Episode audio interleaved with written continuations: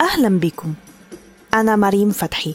بقدم لكم الحلقة 33 من بودكاست فنجان وقهوة. علامة من علامات الفن. مش بس في مصر بل الوطن العربي كله. كل الناس أجمعت على حبها ليه. معروف بضحكته المرحة اللي بتدخل القلب. مفيش حد في شعب مصر كله مش بيحبه. من أول الصغير لحد الكبير. اتربينا على أفلامه وتعليقاته. الكوميدية الساخرة. كوميديان السينما المصرية أبو ضحكة جنان إسماعيل ياسين. يلا حضروا فنجان القهوة بتاعكم واسمعوا الحلقة التلاتة وتلاتين من بودكاست فنجان وقهوة. يلا بينا.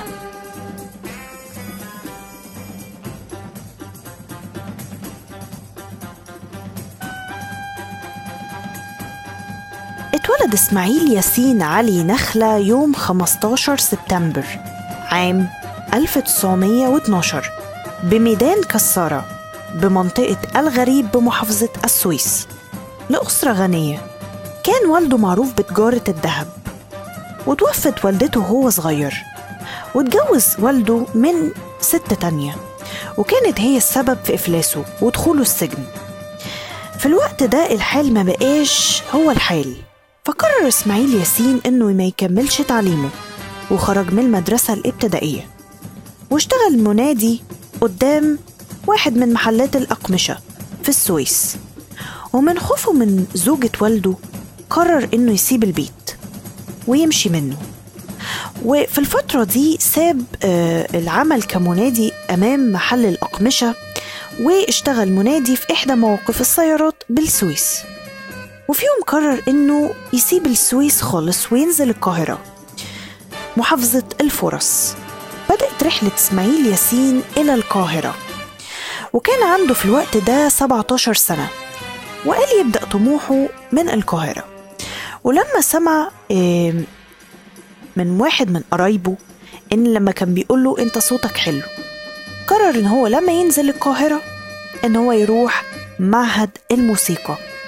وبالفعل أخد ست جنيهات من جدته وده طبعا كان مبلغ كبير في الوقت ده. وراح على مصر اللي هي القاهرة. وبالفعل أول ما وصل هناك راح على معهد الموسيقى. ولكن ولكن لقاه مقفول. فراح قعد مع ولاد خاله الأيام اللي هو كان قاعدها في القاهرة. وبعد كده سابهم لأن ما قدرش يستحملهم. وفضل أيام كتير بيتجول في شوارع القاهرة بيبحث عن المكان اللي ممكن ينام فيه. ولما يأس خالص. راح نام في مسجد السيدة زينب. مع الوقت بدأ إسماعيل ياسين يدور على شغل هنا وهناك وبدأ بالفعل يغني في المقاهي والأفراح وبدأ واحدة واحدة يظهر للناس لغاية ما أسس مسرح أو فرقة مسرحية بالتعاون مع صديقه أبو السعود الإبياري وقدم ما يقرب من 60 عمل مسرحي. وبرضه خلال الوقت ده سعى إسماعيل ياسين إنه ينضم لفرقة بديعة النصباني. ورشحه صديقه أبو السعود الإبياري بالانضمام للفرقة. وبالفعل انضم إسماعيل ياسين لفرقة بديعة وبدأ يقدم المونولوجات في الملهى بتاعها لمدة عشر سنوات من عام 1935 لعام 1945 ودي كانت بداية ظهوره. عايزة أشرح لحضراتكم حاجة. إذا كان في حد من مستمعينا لحلقة النهاردة من الأجيال الصغيرة أو ال Gen Z حابة إني أقول لكم عن معنى المونولوجيست والمونولوج. المونولوج كانت مصطلح زمان بيتقال عن مهنة شخص بيقف يقول كلام أو يرمي إفيهات لو هنقولها بأيامنا النهاردة وكان بيضحك الجمهور اللي قاعد. ده المونولوجيست ودي مهنة المونولوج. حاجة كده زي ال stand-up comedy في عصرنا دلوقتي. بدأ إسماعيل ياسين في تقديم المونولوج بالإذاعة المصرية بعد كده مقابل راتب أربع جنيهات للمونولوج الواحد.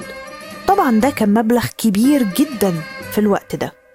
واللي كان بيألف له المونولوجات دي كان برضو أبو السعود الإبياري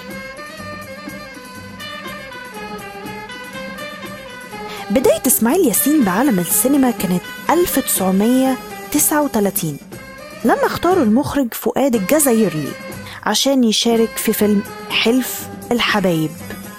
وبعدها ظهر في فيلم علي بابا والأربعين حرامي مع الفنان علي الكسار وفيلم نور الدين والبحارين الثلاثة الأدوار اللي قام بيها في بداية مشواره السينمائي كانت أدوار سنوية.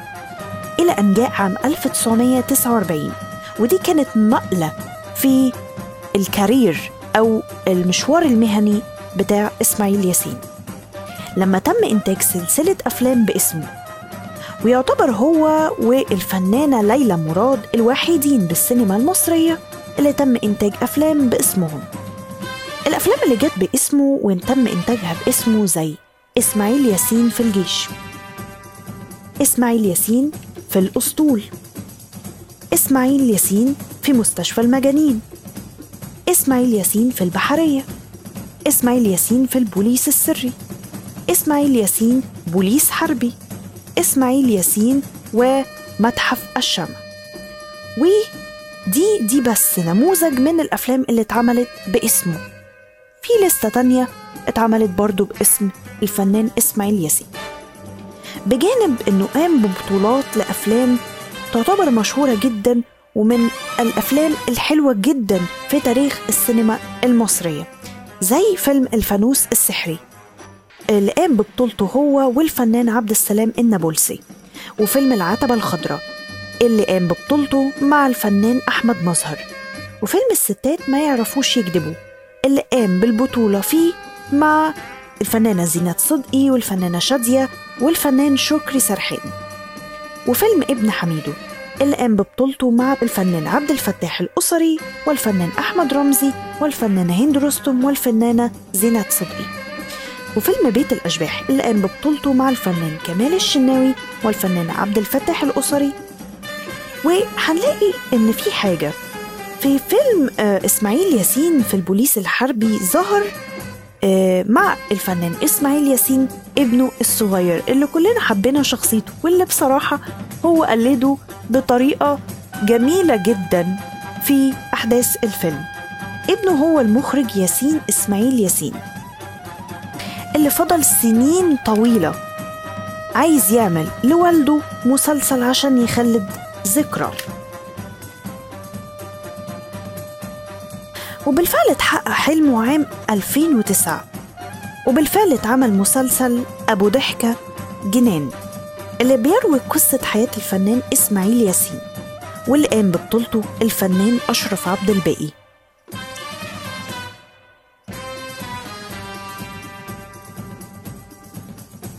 وتفوت السنين ويفضل الكبار والصغيرين فاكرين الفنان إسماعيل ياسين وفاكرين الأفلام اللي هو عملها اللي بتضحكنا وبتدخل البهجة في قلوبنا.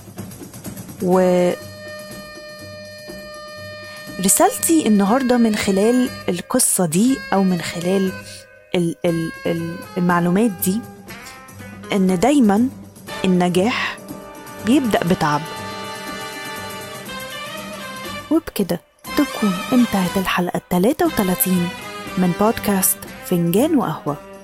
داخل وصف الحلقة حضراتكم هتلاقوا التسجيل الصوتي Telbee. حضراتكم تقدروا تسجلوا استفساراتكم وآرائكم وأنا هرد عليكم بيها. ده غير إن أنتم ممكن تتابعوا جميع صفحات ال social media وأماكن الاستماع الأخرى من خلال Linktree وممكن تشتركوا في النشرة الشهرية من خلال Typeform كنت معكم أنا معدة ومقدمة الحلقة مريم فتحي. وكانت معكم مهندسة الصوت ملك فتحي. في انتظار حضراتكم الأسبوع الجاي وحلقة جديدة. باي باي واشوف حضراتكم على خير.